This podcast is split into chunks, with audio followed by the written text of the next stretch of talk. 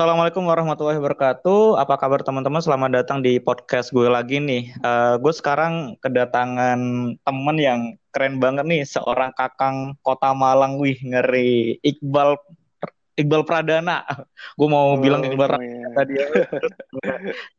Iqbal nih panggilan akrabnya Bale. Apa kabar, Le? Alhamdulillah, Gilang baik. Gilang sendiri gimana? Sehat, masya Allah. Ya di tengah pandemi ini ya. Lu di yeah. Jakarta sekarang? Iya sih kebetulan lagi apa balik ke rumah. Tapi bukan di Jakarta, lang di Bekasi sih kalau rumahku sebenarnya. Oh, pantas bisa ngebucin lo ya. uh, ini kalau ya gue kasih informasi ya kemarin gue kenal sama Bale sih di EM ya kemarin jadi BPH terus tiba-tiba oh. jadi kakak nih waduh Nih ceritanya lu jadi kakang gimana sih dari seorang bale yang kelihatannya diem-diem baik? Ceritain dong. Siap, siap. Ya, jadi uh, awalnya sih itu ketemu Gilang tuh di bener ya di di organisasi. Jadi kalau di UB kan uh, lembaga eksekutif tertinggi tingkat universitasnya kan EM ya. Terus ya, bener banget. Uh, tahun 2019 kemarin itu coba buat daftar di sana dan akhirnya alhamdulillah diterima jadi salah satu BPH. Terus uh, dipertemukanlah nih dengan Bapak Gilang. Uh, kamu jadi ini lang ya, jadi dirjen ya? Dirjen, lu kan jadi nah, kabir. Uh, Kepala lu. Sama-sama jadi BPH sih, cuma uh, beda beda ini, beda kementerian, beda beda inilah apa? Beda ranah seperti itu. Terus uh, awalnya sih kalau ditanya kenapa tiba-tiba bisa jadi Kakang itu sebenarnya asli coba-coba lang. Jadi kebetulan ada salah satu teman juga yang udah pernah berada di sana gitu, udah pernah berada di organisasi Kakang Bayi Kota Malang. Terus diajakin, bal ikut yuk. Itu. Terus aku awalnya uh, belum tahu tuh emang uh, kegiatannya ngapain aja segala macem dan akhirnya diceritain segala macem. Terus akhirnya tertarik karena kan juga uh, why not kan buka ke dunia yang baru, coba-coba hal baru dan tentunya itu menurutku juga suatu hal yang menantang sih buat aku karena belum pernah aku di ranah seperti itu. Eh ya udah akhirnya coba-coba daftar. Sebenarnya cuma ikutin alurnya aja sih. Apa? Uh, ikutin seleksinya, terus uh, latihan dikit-dikit segala macam. Ternyata seru juga ya. Uh, di apa? Duta wisata dan alhamdulillah pada 12 Oktober 2019 kemarin itu uh, telah resmi jadi kakak kota Malang seperti itu sih. Waduh, ngeri-ngeri. Berawal dari coba-coba ya, Le ya. Tapi Betul. lu pernah cerita, lu pernah cerita, uh, lu tuh orangnya seorang yang pendiam waktu SMP sama SMA ya. Tapi iya, nggak yeah, insecure kan? Nah, uh, sebenarnya juga kayaknya gila ngerasain deh waktu waktu di EM ya. Kan kita awalnya kan nggak seberapa deket ya, lang, lang ya, awal-awal tuh gara-gara ngeband doang kita jadi dekat. Enggak, enggak. Justru awalnya tuh waktu salah satu ini, salah satu program uh, kementerian apa namanya? Jarpup ya, seingatku tuh. Itu kan kita ada program namanya Sambang Brawijaya tuh. Oh iya, yang, yang kita sebang ya. Bener bener nah, bener. Kalau teman-teman tahu tuh kita uh, semacam studi banding ke Jakarta, terus mana lagi lang Solo ya? Solo, lo Solo. Jakarta, Solo, sama ya pokoknya tempat-tempat gitu ke universitas-universitas ternamanya buat uh, kayak visitasi gitu kunjungan. Nah di perjalanan itu kebetulan aku sama Gilang itu satu bangku, satu di bis gitu sama si Iza juga tuh kalau nggak salah sih itu. Nah akhirnya mulai mulai deketnya justru dari, dari situ kan. Apa awal-awalnya tuh nggak nggak nggak terlalu dekat karena aku juga diem kan orangnya kalau Gilang ngerasain. Iya benar-benar. Terus uh, semenjak itulah akhirnya uh, aku sama Gilang menjadi dekat dan akhirnya kenapa bisa coba buat uh, menghilangkan insecure itu adalah sebenarnya buat apa ya? Buat aku sih, aku kadang-kadang orangnya suka nggak peduli kalau misalnya uh, ya, yang penting aku coba-coba aja gitulah. Jadi bener-bener kalau kata salah satu brand terbaik dunia ya di olahraga itu Nike, dia punya slogan judulnya Just Do It. Dan aku sangat terinspirasi banget buat ngelakuin itu gitu. Udah bodo amat yang penting jalanin dulu aja. Akhirnya ya sempat ada perasaan insecure terus perasaan kayak uh, takut sama saingan-saingan lainnya karena aku juga baru pertama kali kan di dunia ini. Uh, tapi ya karena aku punya pedoman ya dari si slogannya Nike itu akhirnya ya perlahan-lahan jadi kebiasa ah, jadi terbiasa dan alhamdulillah jadi nyaman sekarang dengan uh, yang aku lakukan. Seperti itu. Ngeri ngeri ngeri. Tapi ya banyak yang bilang nih ya lu lu seorang seseorang yang good looking banget gitu ya. Selain itu pinter lagi. Gue gak nyangka banget lu lu gue dulu nyangkanya lu anak FEB oke okay, ekonomi ya. Ekonomi bagian manajemen soalnya muka tuh muka lu manajemen. Kagetnya lu ekonomi ini ya Islam ya? Ah kaget iya, banget iya. ekonomi Islam iya, balik ekonomi Islam masya Allah gitu Enggak tapi bener lang jadi kalau di FEB tuh uh, emang anak manajemen terkenal ini sih terkenal hits hits sih. Ya makanya. Kalau kalau dari dari ini aku ya dari perspektif aku. Nah kenapa kenapa lu masuk ekonomi Islam dulu? Coba. Kenapa nggak masuk manajemen? Uh, nggak tahu ya lebih suka lebih suka tentang ilmu ekonominya aja sih. Meskipun manajemen juga sepertinya hal yang menarik. Tapi karena aku juga udah rencana gitu dari awal pas daftar di UB coba ekonomi Islam ya why not gitu terus uh, salah satu ini juga karena ini sih uh, apa hal yang menarik kayaknya kalau misalnya kita belajar hal yang beda gitu karena kan kalau setahu aku manajemen uh, banyak ya di beberapa universitas. Tapi kalau ekonomi Islam itu cuma di beberapa universitas tertentu, universitas tertentu aja kalau di Indonesia tuh. Bener sih bener. Ngeri juga loh ya ambilnya ekonomi Islam gitu. Kaget. Ya Allah gitu. Tapi uh, tapi gue penasaran sih le terkait duta wisata yang selama ini gue jujur nih agak netting banget sama duta wisata. Gue dulu pernah ikut duta wisata le. Jadi uh, ikut seleksinya karena dipaksa waktu itu dipaksa sama kepala sekolah kan. Duta wisata kabupaten gue lah. Nah uh, itulah gue seleksi itu dan ini gue merasakan sendiri ya yang kepilih itu benar-benar orang yang yang ini nggak ber bermaksud untuk merendahkan teman-teman ya enggak ya tapi maksud gue hmm. teman-teman gue yang yang ya oke okay, lebih ganteng ada lebih pintar ada. Tapi mereka itu nggak kepilih gitu. Gue nggak tahu sistemnya seperti apa yang ada di kota Malang seperti apa apakah sama atau seperti apa. Di Malang gimana le? Apakah uh, yang kepilih pinter-pinter kah atau gimana kah gitu? Gue sendiri memang sengaja waktu itu sengaja buat nggak lulusin diri sih karena memang tupoksi duta itu apa sih waktu itu? Selain karena gue netting ya waktu SMA netting selain cuma bawa baki pas ada acara doang dan dan dan, dan gak jelas ya nggak sih? Gitu sih. Ini gue nggak bermaksud untuk merendahkan duta tapi waktu itu gue waktu SMA ya uh, hmm. to point aja nunjuk kayak gitu. Karena kurang kurang kurang passion lah sama sama sama apa ya sama apa yang pengen gue lakuin gitu sih. Siap siap. Oke jadi uh, cerita dikit lah ya. Jadi kalau mengenai Duta Wisata di Kota Malang itu sendiri namanya itu kan Kakang Bayi Kota Malang dan perlu diketahui juga di setiap daerah di Indonesia itu hampir semuanya ada sih mau dari eh, pulau-pulau Indonesia kayak misalnya dari Kalimantan, Jawa segala macam itu pasti di setiap daerahnya kota kabupatennya itu pasti memiliki yang namanya duta wisata. Nah kalau di Kota Malang itu uh, kebetulan diadakannya setiap tahun kan di biasanya di bulan-bulan kalau aku kemarin tuh di bulan September sih ingatku. Awal September dan uh, jujur ya, jujur pendaftarnya tuh cukup banyak. Jadi uh, bisa dibilang minat terhadap pariwisata, terhadap duta wisata ini masih sangat apa ya, sangat banyak sih di masyarakat terutama di kaum milenial. Dan kemarin waktu tahun lalu itu aku kan aku udah cerita di sebelumnya udah aku bilang juga kalau aku itu misalnya juga baru pertama kali lang di di dunia seperti ini. Karena sebelumnya juga sama kan kita di dunia organisasi terus di dalam kampus lah ibaratnya.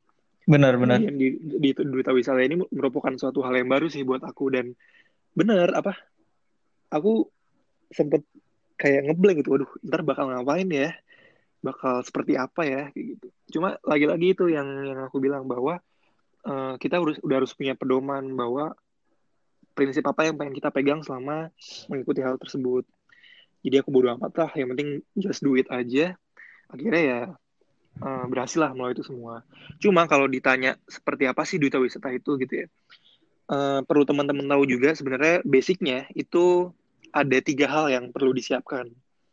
Jadi uh, ini rumusnya bisa diingat sebagai 3B sih Buset, ada rumusnya dong, Masya Allah. Bukan rumus sih, biar gampang diingat aja gitu. Yang pertama, jadi 3B ya. Yang B pertama itu adalah brain, terus B yang kedua itu beauty, sama B yang ketiga itu behavior. Tiga itu merupakan apa ya, suatu suatu modal sih buat kita buat mengikuti ajang-ajang seperti duta wisata seperti itulah. Nah, uh, coba kita jabarin satu-satu. Kalau brain itu apa ya? Brain itu sebenarnya adalah bagaimana kita pengetahuan kita, terus bagaimana kita bisa uh, berbicara, public speaking, terus juga bagaimana kita bisa uh, menyampaikan pendapat dan segala macamnya. Intinya bagaimana kita bisa uh, memaksimalkan pengetahuan yang kita punya lah seperti itu. Terus yang kedua itu ada beauty. Beauty ini uh, ya yang tadi Gilang bilang ya mengenai kalau cowok mungkin good looking atau tidak, kalau perempuan tuh uh, cantik atau tidak segala macam gitu. Jadi ibaratnya dari bagaimana kita penampilan kita lah Terus yang terakhir itu ada behavior. Nah, kalau kita udah punya brain sama beauty, tapi kalau attitude kita jelek, kalau kita sikapnya buruk di depan orang pun kita juga nggak bakal bisa diterima. Makanya dari itu behavior juga penting sih mengenai bagaimana kita bersikap, bagaimana kita bisa merangkul masyarakat nantinya, sopan santun, etika, dan segala macamnya. Nah, dari 3B ini sebenarnya nggak harus kita punya semua sih, Lang. Kan kesempurnaan juga hanya milik Allah kan. Kita juga sebagai manusia pasti punya kekurangan. Cuma dari 3B ini bagaimana kita bisa menyeimbangkan satu sama lain. Kalau dibilang uh, ganteng semua kemarin ya ya banyak yang ganteng cuma kalau hanya ganteng doang belum tentu bisa lolos seleksi kayak gitu karena kan ada tes lain-lainnya juga kayak semacam bahasa Inggris terus public speaking dan segala macamnya jadi buat teman-teman yang belum tahu seperti apa dunia duta wisata itu, sebenarnya ada tiga hal tersebut sih yang perlu disiapkan. Itu brain, beauty, dan behavior. Hmm, oke. Okay. Tapi ya jujur sih kadang ini sih ya, kenapa teman-teman itu insecure? Sebenarnya bukan di masalah brand sama behavior gitu. Justru teman-teman itu mendahulukan yang nomor dua, Le. Beauty gitu kan. iya. iya serius. Gue ngelihat milenial sekarang itu insecure gara-gara mereka takut di di body shaming jujur nih ya uh, body shaming itu lebih jahat daripada bulian macam apa pun serius gue tuh sekarang kan agak overweight ya jadi agak agak naik berat badan jadi harus gara-gara harus ini ya iya gara-gara apa gara-gara puasa nih gara-gara pandemi ini cuy nggak ada kegiatan kan jadi kayak uh, gue bener-bener pulang dari Malang waktu itu ya emak gue kan tipenya yang bener-bener ya oke okay, emak gue sekarang 40 tahun ke atas tapi bodinya masih masih bagus lah gitu kan. Akhirnya gue mencoba untuk diet sekarang kan. Nah uh, body shaming gue gue tuh menerima body shaming dari mak gue dulu. Bayangin coba mak gue orang pertama yang yang yang ngehina gue kamu itu gemuk gini gini gini. Dan itu benar-benar benar-benar kepikiran coy serius. Benar-benar kepikiran nah uh, sebenarnya ini sih lah yang menjadi hal hal menarik bagi milenial ya. Apa harus good looking? Kalau misalkan bukan good looking ya uh, lu bi misalkan muka lu biasa aja tapi lu bisa rapi dan lain sebagainya itu bisa lu bisa good looking. Ap apakah harus kelihatan uh, cantik dan ganteng menurut standar orang-orang uh, lu baru bisa jadi duta gitu oke oke jadi uh, emang ya mungkin kalau menurut pendapat aku pribadi sebenarnya bukan bukan harus diutamakan yang beauty-nya dulu sih dari 3B itu. Cuma emang yang pertama kali kelihatan ketika kita ketemu orang, ketika kita mengikuti ajang-ajang seperti itu kan pasti yang dilihat dari luar dulu dong, dari dari cover dulu dong. Jadi banyak sekali uh, perspektif yang mengatakan bahwa beauty itu yang paling penting, padahal sebenarnya tidak juga gitu. Itu emang emang adalah hal yang pertama dilihat orang sih karena kita kan pasti ketemu orang pasti yang dilihat dari dari dari luarnya dulu tuh. Untuk bisa mengetahui apa brain sama behavior kan nggak nggak segampang beauty kan karena kan beauty ya tinggal dilihat doang. Tapi kalau kalau brain sama behavior kan butuh proses tuh untuk mengetahui apakah orang itu pinter kah atau orang ini beretika kah seperti itu. Nah uh, untuk anggapan harus ganteng nggak sih? Harus cantik nggak sih aku bisa mengatakan bahwa itu adalah nilai plus lang jadi uh, kalau lu ganteng kalau lu cantik ya ya bagus gitu bisa bisa jadi nilai plus ketika mengikuti ajang seperti itu. Cuma itu bukan menjadi segala-galanya karena eh, gak bisa hanya mengandalkan itu aja gitu. Yang namanya duta wisata, yang namanya pageant-pageant seperti itu kan kita harus memberikan nilai yang lain dibanding hanya menjadi ganteng atau cantik. Contohnya kita bisa menyampaikan pendapat, kita bisa berbahasa Inggris, menjawab pertanyaan dengan baik. Dan itu dibutuhkan dari sekedar beauty aja kita juga harus bisa hmm, bahasa Inggris, kita harus bisa public speaking, problem solving dan segala macamnya. Jadi uh, bagus kalau kita bisa dianugerahi ya, dianugerahi dengan good looking tadi. Cuma itu saja tidak cukup gitu. Nah, terus uh, menurutku pribadi sih kalau misalnya good looking atau enggak, kalau misalnya kita biasa aja gitu ya yang terus tadi tadi bilang-bilang uh, insecure duluan ngeliat sayang-sayang lain. Sebenarnya uh, ada hal ada ada alternatif lain sih yang bisa kita lakukan kalau menurutku ya. Yaitu kita bisa tampil rapih. Kita bisa tampil baik di depan orang lain dengan cara kita grooming. Kalau cowok ya. Kalau cowok itu kita grooming uh, apa namanya? Rambut kita di di apa sih namanya? di haircut terus facial hair kita di selalu dicukur setiap beberapa hari sekali dan itu menurutku sangat sangat dianjurkan sih buat uh, cowok karena itu akan membuat kita rapi enak dilihat lah kayak gitu terus kalau buat cewek mungkin ya mungkin uh, bisa dengan uh, make up terus dengan bagaimana cara berpenampilan dan segala macamnya jadi uh, beauty itu memang nilai plus cuma kalau misalnya alternatif lainnya adalah dengan kita berpenampilan rapi sih lang bagaimana kita styling pakaian, terus grooming dan segala macamnya. Jujur aku dulu waktu sebelum ikut kakak Bayu juga jarang grooming, jadi benar-benar kayak cuek gitu loh. Tapi akhirnya uh, setelah diajak, setelah melewati proses, setelah diajarin segala macamnya, oh baru sadar ternyata grooming itu penting banget. Bagaimana membuat diri kita rapi, bagaimana membuat kita enak dilihat seperti itu. Oke oke. Tapi ini enggak sih berhubungan dengan good looking dan lain sebagainya ya. Gue tuh pernah ini ya pernah ketemu sama duta batik Jawa Timur cewek nih. Ada nggak sih tuntutan tuntutan okay. lo di kehidupan sehari-hari seorang Bali se seorang kakang nih kakang Kota Malang ketut, uh, tuntutan lo tiap hari harus benar-benar rapi gitu karena lo dipandang orang gitu. Itu bikin lu stres nggak sih kalau bener itu ada lo ya? Orang menilai lu ke mana-mana lo kalau kayak gitu kan? Benar-benar. Uh, eh, kalau aku rasa sih ini nggak cuma di duta wisata ya kayaknya. Maksudnya di di beberapa uh, hal lain kayak misalnya di kayak, kayak, kayak di BEM juga gitu nggak sih lang? Kenapa kenapa? Lu lu kan jadi pres wa, iya, benar, kan? Bener. Di wapres. Benar kan, benar. Iya, kayaknya mirip-mirip kayak gitu juga lah. Kalau udah jadi wapres kan harus harus lebih uh, jaga wibawa gitu-gitu kan kalau kurasa itu emang emang di beberapa hal lain juga dilakukan seperti itu. Dan terkhusus buat dunia duta wisata, emang kita harus diwajibkan tampil rapih, terutama di acara formal ya. Kayak misalnya, yang paling simpel ini bang, eh, kalau aku bilang di rambut deh. Dulu tuh aku nggak pernah pakai pomade kan waktu sebelum jadi tapi tetap ganteng. Lu lu itu nggak pakai tapi tetap ganteng coy serius. amin amin amin.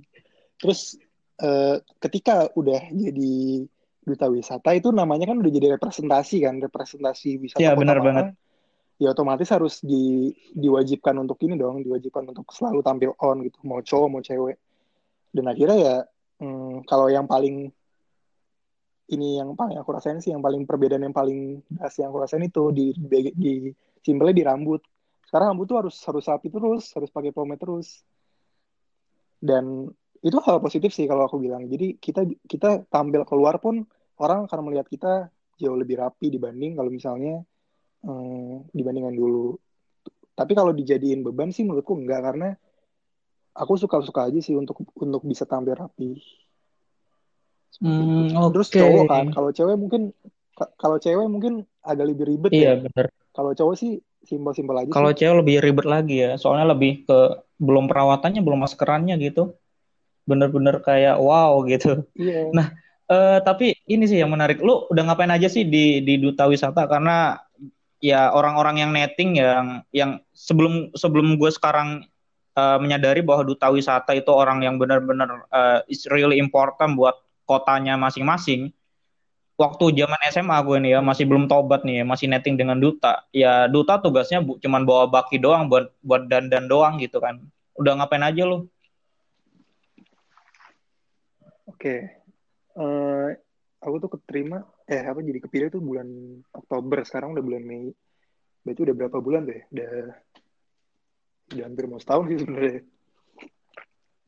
dan banyak sih yang udah kami lakukan. Jadi bukan aku yang lakuin. Kan kita kalau di duta wisata itu kepilih finalisnya itu udah jadi satu angkatan ya. Dan yang kontribusi ke daerahnya itu ya nggak cuma si juaranya doang tapi seluruh finalisnya 20 orang 20 orang.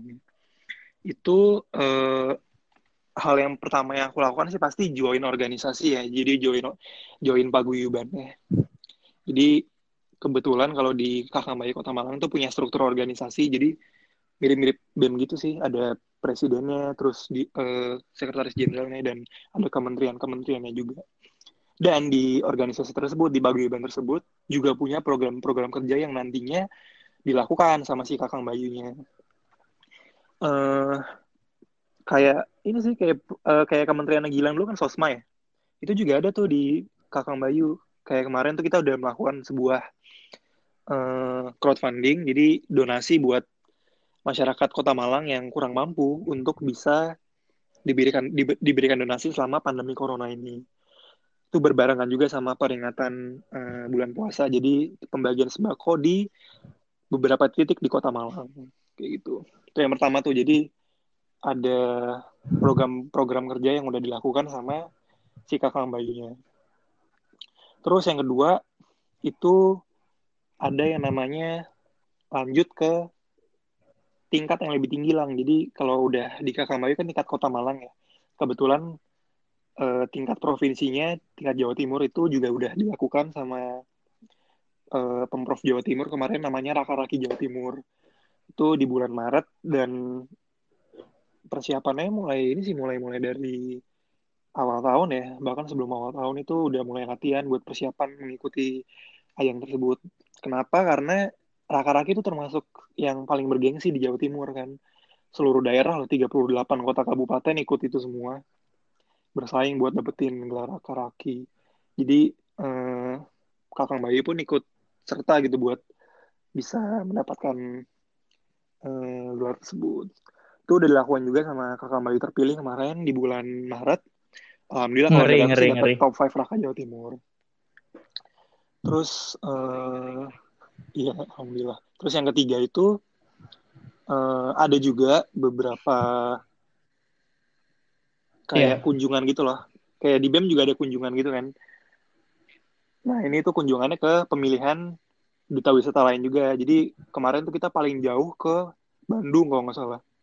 Jadi Mojang Jajak ke Bandung itu ada pemilihan akhirnya ya udah tamu-tamu daerah tuh juga datang terus eh, banyak sih kita udah udah ke beberapa daerah sih kunjungan gitu buat menghadiri pemilihan duta wisata lainnya. Bahkan sempat kemarin juga ke mana namanya ke studi banding gitu. Jadi tapi kalau ini kota Malang yang didatengin. Jadi kalau nggak salah kemarin tuh ada dari Madura sama dari Bali itu paguyuban duta wisatanya tuh berkunjung ke kota Malang Hmm. untuk studi banding. Kayak gitu. Terus apalagi ya? Banyak sih eh, berkaitan juga dengan nomor satu Iya, tadi itu mengenai Hmm. tadi kan program kerja donasi ya sosial itu. Kita juga pernah bikin program kerja yaitu healthy smile healthy life. Jadi gitu kita berkunjung ke sekolah-sekolah di Malang. Terus kita mengadakan edukasi berupa pentingnya menjaga kesehatan gigi. Jadi kita kerja sama-sama FKGUB buat melakukan hal tersebut ya gila kalau udah FKG udah Masa lalu, Le. ya.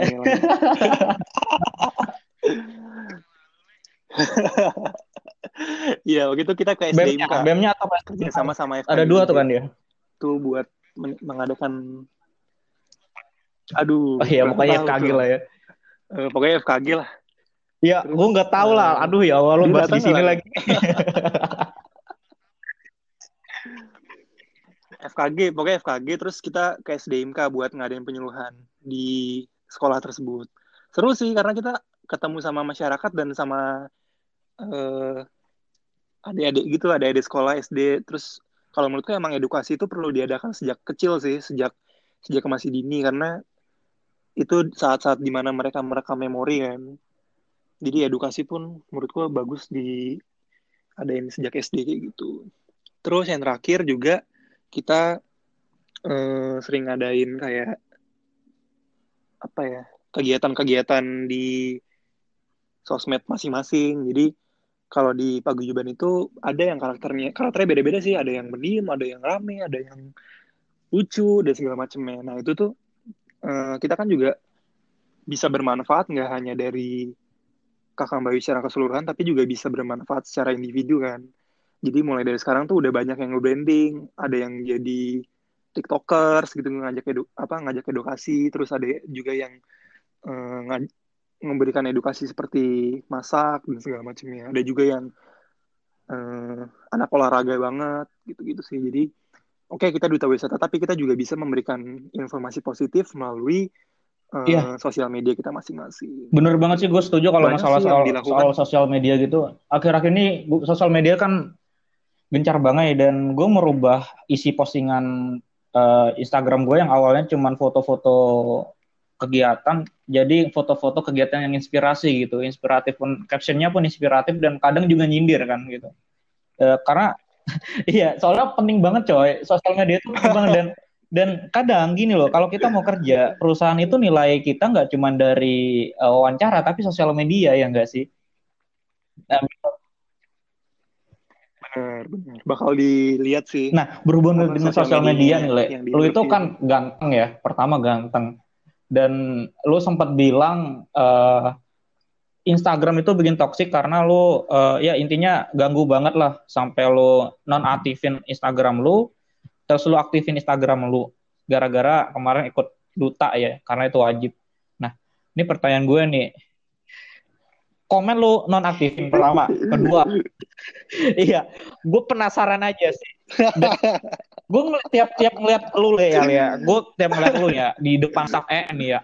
Beberapa staff EM yang cewek-cewek itu pasti eh, kesemsem buat ngeliat lu, serius. Ada nggak sih cewek-cewek yang kadang nge-DM lu gitu kan, nge-DM lu yang nggak jelas lah buat modusin dan lain sebagainya. Bahkan eh, gue tahu alasan lu untuk matiin, atau ini tebakan gue ya, alasan lu mungkin buat matiin noti eh, komen lo itu biar nggak ada hal-hal yang kayak gitu juga sih. Oke oke.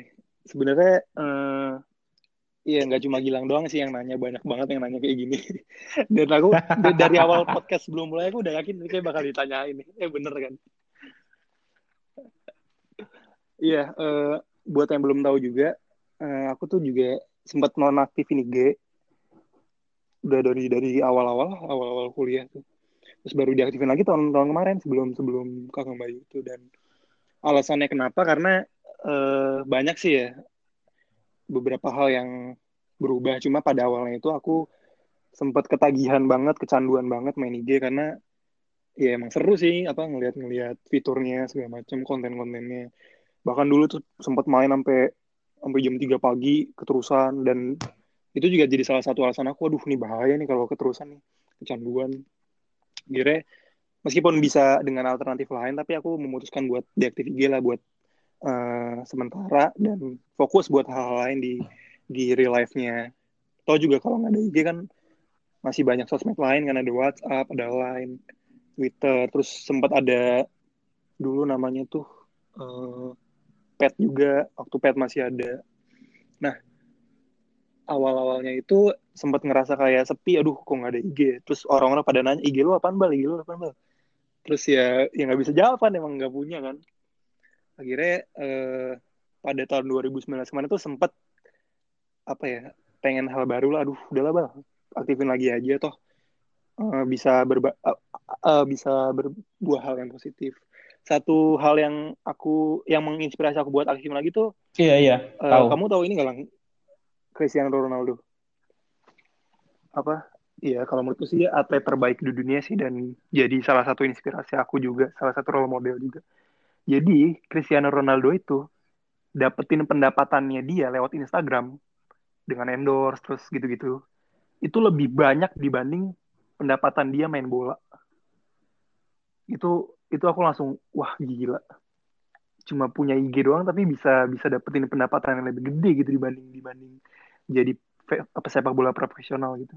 Di situ aku sadar bahwa sebenarnya uh, satu hal tuh nggak bisa dilihat dari satu sisi aja gitu. Kalau kita apa ngelihat pisau gitu ya. Kalau kita lihat posisi uh, lihat lihat sisi buruknya ya kita cuma bisa lihat pisau itu cuma bisa buat bunuh orang, cuma bisa buat ngelukain. Tapi kalau kita lihat sisi positifnya, sebuah pisau tuh juga bisa buat hal yang bagus kayak misalnya nebang ranting ataupun jadi pisau waktu Idul Adha, kurban segala macem. Dan aku sadar gitu, wah ternyata Instagram juga bisa berdampak positif kok kalau kita menemukan dengan baik. Dan akhirnya ya udah akhirnya hmm, aku aktifin lagi dan mulai deh sosmedan dengan Instagram lagi. Itu sih awalnya. Terus mengenai komen nih. komen tuh uh, awalnya sih aku ngerasa ini sih males balasin komen buat buat beberapa waktu gitu ya. Soalnya banyak yang komen tuh awal-awal. Tapi eh, lama kelamaan tuh jadi jadi style aku aja sih. Kayak oh Iqbal ya udah komennya dimatiin. Banyak yang bilang nggak aduh sombong nih Iqbal nih uh, komen kolom komennya dimatiin gitu ya biar orang nggak bisa komentar sombong kalau menurutku enggak sih karena kan ada fitur DM ya jadi kalau orang mau berinteraksi orang mau ngedirect itu kan masih bisa lewat DM terus aku juga ini lang terinspirasi sama salah satu brand terbaik dunia juga. Dia Apple. Jadi Apple itu kalau advertising gitu, advertising produk yang terbaru kayak misalnya iPhone terbarunya dia, MacBook terbarunya dia dan segala macamnya itu di, di YouTube ya. Dia tuh selalu nonaktifin komennya. Kalau kamu nggak percaya bisa dilihat sekarang sih. Jadi aku ngelihat itu sebagai langkah yang dilakukan Apple supaya orang itu terfokus pada apa yang dia tawarkan pada pada objeknya bukan apa kata orang jadi eh, emang sih orang jadi kehilangan media gitu ya kehilangan wadah buat komen cuma kalau menurutku nggak apa-apa karena itu masih masih masih ada yang namanya DM terus alasan lainnya juga dari idealisme si Apple tadi tuh yang yang orang tuh bisa terfokus pada apa yang ditawarkan, apa pada objeknya, bukan pada Bener sih, bener bener. Tapi uh, ini masalah komen ya. Uh, Bambang Pamungkas lu tau kan ya, legenda sepak bola di sosial medianya kan dia nonaktifin komennya tuh di hmm, Instagram. Hmm, Alasannya gini sih sebenarnya. Dia tuh nggak mau uh, ada supporter yang ribut hmm. di komenannya gitu. Karena dia yakin dia punya dia yakin dia, dia punya haters. Akhirnya oh, ya udah iya, iya, iya. Uh, saya mending dia bilang gini, saya mending menonaktifkan komenan saya daripada uh, banyak yang ribut di, di perpecahan. Akhirnya ya udah dia bikin, uh, ya. bikin sosial media kan buat uh, inspirasi tuh. Jadi cek aja di BP20. Jadi uh. Isinya semuanya sangat inspiratif banget sih Bambang Pamungkas ini. Gitu sih. Wah, well, menarik kali ya. Menarik menarik banget ngobrol sama lu. Sebenarnya yeah. Uh, seru sih, seru seorang Bale ini uh, merupakan cerminan gue juga sih. Gue baru ngeliat cowok ganteng, pinter kayak lu, le, sumpah. Yeah. amin, Masya Allah. Eh, tapi Amin, Aduh, amin, saya amin. saya Bapak Gilang juga inspirasi banyak orang. Aduh, ya Allah. Jadi, Enggak, Mas, saya mah masih FPIK masih juga. masih noob saya. Iya, uh, menarik sih, menarik. Uh, terima kasih lah udah udah eh tapi gue gue penasaran nih sama sama lu nih. Nih, ini nggak nyambung sama, sama obrolan obrolan yang tadi ya. Sebenarnya apa ya, apa? Sebenarnya uh, trading itu haram enggak sih? Enggak apa-apa, santai. Sebagai anak ekonomi Islam. Padahal. iya Kemarin iya tapi ya, abis, abis podcast sama Amri juga ya. gue lihat tuh. Gue penasaran aja soalnya temen gue banyak ya, ngajakin trading, cuman ya gue baca di beberapa sumber ya itu haram gitu. Ini ini ini pertanyaan terakhir sebagai anak ekonomi Islam. Gimana pendapat lu? Hmm, hmm. Siap siap. Oke, uh, ini emang lagi populer sih ya trading ya. Bahkan gue waktu nonton YouTube tuh kan ada ada AdSense ya, itu kebanyakan tuh iklan mengenai trading lu sampai sampai bosen kan ya, emang lagi populer banget sih trading ini. Terus uh, bagaimana sih trading itu dalam perspektif ekonomi Islam ya? Sebenarnya kalau dibilang haram atau halal, uh, apa ya banyak banyak ini sih banyak banyak rasionalisasinya. Cuma kalau di ekonomi Islam itu kan ada yang menyebabkan haram karena ada suatu alasan. Jadi trading itu bisa dikatakan bisa menuju ke yang haram itu karena ada yang namanya uh, goror atau ketidakpastian. Jadi kita apa ya? Itu kan nggak pasti kan lang. Jadi kita memberikan atau kita menyetorkan sebuah uang, cuma returnnya itu kan nggak pasti kan bisa naik, bisa turun nilainya kalau di trading itu. Dan itu sebenarnya yang menjadikan itu uh, menuju ke arah yang seperti itu, menuju ke arah yang haram, berpotensi untuk bisa menjadi goror. Karena kalau di Islam itu fungsi uang itu cuma dua, cuma buat sebagai alat tukar sama buat sebagai jaga-jaga. Nah, kalau udah arah itu arah arah trading itu itu udah masuk ke ranah yang namanya spekulasi. Dan itu bisa apa ya? Bisa menuju ke arah yang sana sih. Arah yang haram. Aku emang nggak bakal bilang itu haram itu halal karena emang udah ada beberapa pihak yang iya. Lebih apa ya? Lebih hmm, lebih lebih berwenang lah buat mengatakan itu. Cuma sebagai orang yang belajar di ekonomi Islam aku bisa mengatakan rasion, rasionalisasinya kenapa gitu. Kenapanya itu ya tadi itu itu bersifat goror dan Islam itu nggak boleh yang namanya spekulasi. Sama halnya kalau dianalogkan sebagai judi kan kita kan kalau judi contohnya misalnya taruhan bola deh. Taruhan bola kan kita menaruh sebuah stakes ya sebuah uang. Ayo taruhan misalnya lima puluh ribu yang menang siapa nih? Barca apa Madrid?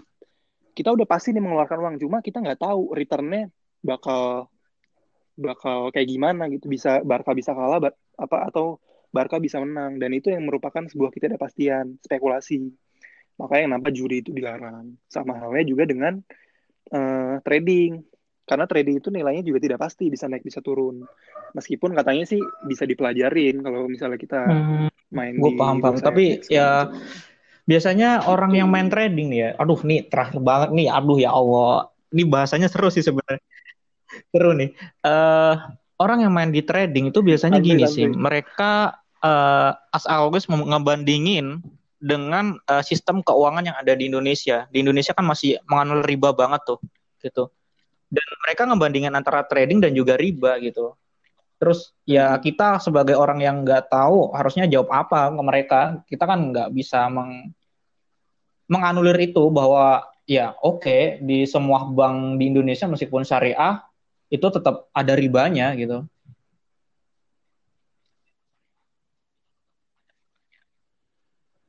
Iya emang masih ini sih masih masih dalam fase yang apa ya belum belum 100% matang karena kan kita juga baru memulai ekonomi syariah ekonomi Islam itu kan gak dari dulu kan baru-baru ini dan emang ada beberapa uh, sektor yang sekiranya masih dalam tahap pematangan. Meskipun uh, sebenarnya itu hal yang bagus sih karena kita seenggaknya udah mulai menerapkan nilai-nilai Islam dalam kehidupan khususnya ekonomi. Kayak gitu. Oh ya ini ini juga buat uh, teman-teman juga. Ada satu media juga yang kalau misalnya mengenai ekonomi Islam itu bisa dipelajarin. Cuma ini enak karena dia uh, dalam bentuk yang bukan yang kaku gitu jadi dalam bentuk video segala macamnya gitu. Itu bisa buka ufit.tv masalah di YouTube ada deh. Itu mengenai ya apa kayak misalnya hal-hal ringan aja kayak misalnya beli pulsa tuh yeah. kan nilainya kan ini ya nilainya kan lebih tinggi ya dibanding uh, nilai pulsanya. Itu itu haram gak sih kalau di Islam di ekonomi Islam itu itu dibahas di situ. Apa ya uh, hal-hal ringan dibahas dengan menarik sih di ufit.tv itu kalau teman-teman mau buka silahkan bisa Oke, okay, uh, eh, Oke, okay. ini mungkin kita bahas masalah ekonomi Islam ini di podcast selanjutnya aja loh. Bakal panjang nih kayaknya kalau gue banyak sebenarnya ini. Uh, ini untuk awal aja loh. Buset, Siap, dosen. siap. Tapi gue kenal sih Pak Arif Putoro. Dosen lu Undang kenal. dosen lah. Iya. Eh, oh, Oh iya iya iya. dia tuh pendiri Ah, itu IMM, salah satu pendiri aku. IMM di UB. Uh, prodi ekonomi Islam. Iya, gue pernah pernah pernah ketemu kok Kak. alah. Iya enak kok orangnya dia. Apa? Oke. Oke, eh, makasih banyak, Le. Eh, Arif. terakhir nih ya. Lu punya pesan nggak buat teman-teman yang ya gue insecure nih. Lu Sama-sama, juga insecure, gimana? orang ganteng aja insecure gitu. How to be like a bale gitu. Gimana caranya jadi lu yang awalnya bener-bener diem banget terus lu bener-bener bermetafosa sih buat gua sih. Gua ngelihat lu dari kecil ya di postingan-postingan lu, di Bali dari kecil hitam dekil gitu biasa kelihatannya pendek ya gitu. Tiba-tiba menjadi orang yang bener-bener cerdas banget gitu kan, yang good looking, cerdas, pokoknya deh gitu. Gimana tuh? Amin amin amin amin. Iya, eh, sebenarnya ini ada beberapa pesan. Cuma sebenarnya ini bukan dari aku, cuma dari beberapa sumber lain yang sekiranya aku jadiin pedoman lah buat buat apa yang aku lakukan kayak gitu. Kebetulan kalau teman-teman tahu tuh aku suka bola ya, suka suka sepak bola dan eh, di sepak bola tuh ada dua brand besar yang paling terkenal lah, yaitu Nike dan Adidas. Dan dua brand ini punya slogan yang parah keren banget kalau menurutku dan eh, bisa dibilang jadi pedoman aku lah selama ini. Mungkin teman-teman terdekat aku juga udah tahu tuh, terutama si JJ tuh, si teman kita juga ya, Lang di EM tuh juga aku kasih quotes kayak gitu.